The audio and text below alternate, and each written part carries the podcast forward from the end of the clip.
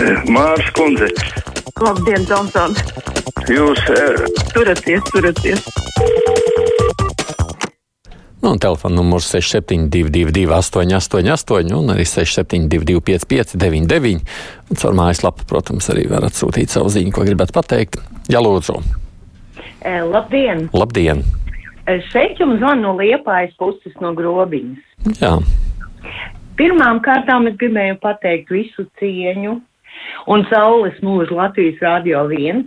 Ar to es mūžos un gulstos. mm, paldies! Un, lūk, visu citu starpā man gribējās izteikt tādu lietu, kad es klausos un dzirdu. Pēkšņi ir Ulža bērziņa izstāde, e, tad ir Miervalža birzes grāmata, un es visu mūžu domāju, ka es esmu Gunvalda meita. Un lūk, es aptūpoju savos 50 gados, ka es esmu Gunvalža meita. Nu, lūk, un tā kā, ja nu, man izdosies reinkarnēties kādreiz, es gribētu būt valodniece, jo kaut kā griež ausīs.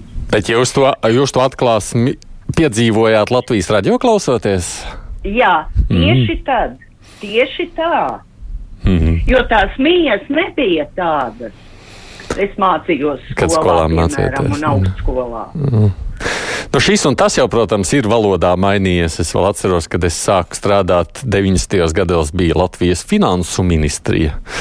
Un par finanšu ministriju tā pārtapa, man liekas, tikai kaut kā 90. gada beigās, ja es pareizi atminu.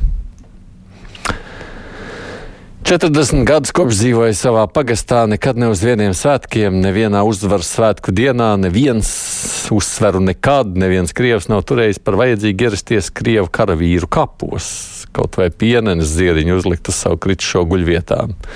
Mūsu pagastā apglabāts pat viens padomju savienības varonis. Nekad neviena vismazākā interese ne no Ždanokas, Giļmana, Mamikina, ne Korena. Tā varētu skaitīt un skaitīt. Bet, lūk, neviens, kas uzstājas Krievu vārdā, nav veltījis vismazāku uzmanību tik ļoti mīlēto vai cietušo kritušo kapu vietām, atstājot to latviešu fašistu pēdiņās rokām. Tikai padomājiet, savus varoņus nīsto fašistu varā. Nav jau ko tur meklēt, jo neviens lauķis taču, nenovērs, lauķis taču nenovērtēs viņu iznesību un runas kvēlumu. Hm. Tā ir jāsraksta mums. Halo! Labdien! Labdien! Es gribēju izteikt viedokli attiecībā uz to politiķu metodi, kādā veidā viņi aizliedz eh, pulcēties pie tā eh, nu, nožēlējumā pieminiekta. Es neatbalstu pulcēšanos, bet man nepatīk šī metode, jo, ja mēs tagad, eh, teiksim, pieļaujam un pieņemam, ka tādas metodas tiek pielietotas, ka tur tagad kā tur viņš ir avārijas stāvoklī, kaut ko līdzīgu pēc tam pret mums pašiem pielietot. Man ļoti nepatīk šī tendence, ka tiek ot, tāda apmēram līdzīga kā Krievijā tā metode, mm -hmm. ka kaut kāda remonta, kas īstenībā nav. Nu, man ir duāls sajūtas. No vienas puses, absolūti piekrīt jums. Sajūta ir līdzīga. Lai gan, protams, mēs tur redzam tur tās fotogrāfijas. Tas remonts tur tiešām prasītos, tās plaisas. Tur ir tādas, ka roka var ielikt iekšā. Bet no, no otras puses. Es arī saprotu, ka publiskā telpā reizēm nākas rīkoties um, acīm redzami, bet, uh, bet nu, ar kaut kādiem ieganstiem, uh, kas varētu izprovocēt uh, mazāk emociju nekā vajag. Nu, jā, droši vien jau var saprast arī politiķi šajā situācijā, meklējot pēc iespējas mazāk sāpīgu emocionāli provocējošu risinājumu. Bet jā, man personīgi arī nepārāk tas patiktu. Tā, uz vēstulītēm vēl raksta Adrians. Kanāls Freedom iepazīstināja civilizēto pasauli ar latviešu bāleliņu naftas maisījumu, ko tirgo uz Eiropu. Ja cisternā Krievu nafta ir mazāk kā 50%, tad tā vairs neskaitās Krievu nafta. To ziņo arī Bloomberg. Kur tas skatās Baidens un Kariņš? Nu, es saprotu, tas vairāk parādījās Shell sakarā šis pētījums, ko kolēģi no liekas, Amerikas arī to pirmie par to ziņoja. Nu, redzēsim, izmeklēšana tur notiekot, jeb skaidrošana šīs situācijas. Ne, ne mēs vienīgie to redzam. Halo! Halo! Jā, lūdzam! Labdien! Labdien! Es gribētu parunāt par tādu lietu, pat par mūsu pašu to liepājas metalurgu. Tā tie metāli dārgi, vai tur kaut ko nevar atjaunot, teiksim, lai sāktu strādāt un ražot paši priekš sevis metālu. Ot, ka, ot pienāk tāds laiks un viss cauri. Es nezinu, kā tur ir no tāda izēvielu tematikas, jo tā problēma jau laikam nav iekšā paša metāla problēma, ir iekšā izēvielām, bet uh, mm, labi, neizlikšos gudrāks nekā esmu šeit, labāk paklusēšu. Kā tad ģentīvā ir lokāms personvārds Valdis, Valža vai Valda? Nu, redziet, mēs Zandi jau arī interesējās. Tikko jau dzirdējām, valdes un visvaldes piedar pie otrās deklinācijas, lokot šos deklinācijas vietvārdus galotnes, priekšā vērojam līdzskaņu mija. Vai te garāks izraksts? Nu, es sapratu, redziet, Zani, ja jau mūsu klausītāji no Liepājas ir secinājusi, kā viņa pārvērtusies par citu meitu. Nē, bet vairs nav uh, no tēta vārdu locījumā tā kā līdz šim. Nu, jā, es pieļauju, ka es arī šeit negrasos kļūt par ekspertu. Halo! Labdien! Labdien! Mēs visu atklājam Ukraiņai, ka mēs to dodam, to dodam, to dodam. Vai tu domā, ka mums spiegu nav? Kas visu atkal pārzvana Krievijai. Un kas tad būtu? Un kas tad, kad viņi, ja, vi, un ja viņi arī pārzvanītu, kas tad būtu? Nu, kas būtu? Viņi visus zina. Ko, Un? ko Ukraina domā darīt? Es tik tā domāju, no savas puses. Nu, tur jau nevajag viņiem tāpēc Latvijas radio klausīties, lai viņi uzzinātu, ko Ukraiņa grasās darīt. Nē, nu to jau, ka, protams, izlūkdienas darbojās gan vienā, gan otrā virzienā, tas arī ir skaidrs.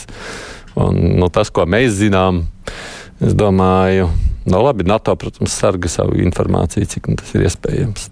Tā vajadzētu būt. Labdien! Klusā nedēļa šī ir raksta Katrīna, un pārdomas arī saistībā ar drausmīgo genocīdu Ukrainā. Vai olas, zaķi, balles ar galdiņiem un dejām, koncerti ir normāli? Man tas šķiet amorāli. Tas jau ir jautājums. Klusā nedēļa, mēs tādā skatāmies, lieldienas jau šajā kontekstā tiek svinēts, pieminot kluso nedēļu baznīcas kontekstā. Un tā jau arī ir krustā sišana.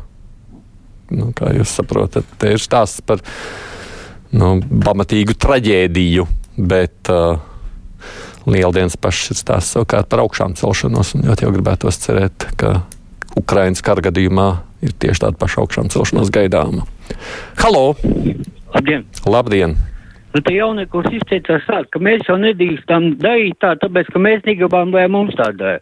Es viņam atgādināšu par baigo gadu, kas bija bezprecedents et, etnocīds vispār. Es gribu atgādināt otro pasaules karu, kurā Krievi nogalināja ceturto daļu latviešu. Un es gribu atgādināt par brīvības pieminiektu, kuram šeiks pakalpiņi aplika apkārt žogu, lai latvieši nevarētu pieminēt savus aizgājušos varoņus. Viņš negrib. Nu, tas, ko jūs visi pieminat, tā arī ir bijis. Un var būt īpaši runājot par to, kāpēc tas turpinās. Ir tāpēc, ka Krievija nekad nav īsti apzinājusies, ko tā ir darījusi.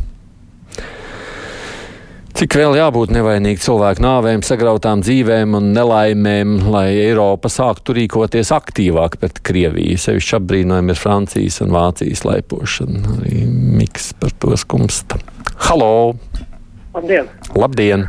Jau iepriekšējais zvanītājs pateica, pareizi pateica, ka padomu laikā lika arī sēt apkārt brīvības pieminekļus. Tagad dara tāpat, nu ne ar ko mēs neatšķiramies no tiem čekas pakalpiņiem iznāk. Jā, nu tā ir tā vēsture atkārtoja šajā ziņā līdzības. Tur gribēja, negrib jāpaman ir. Kundze, kura minēja neizpratni par Ž un Z pārveidēm, tas ir tikai labskanības jautājums. Esmu ar Uldi Bērziņu runājis par šo jautājumu. Viņš pats uzstāja, ka ģentīva formai jābūt ar Ž.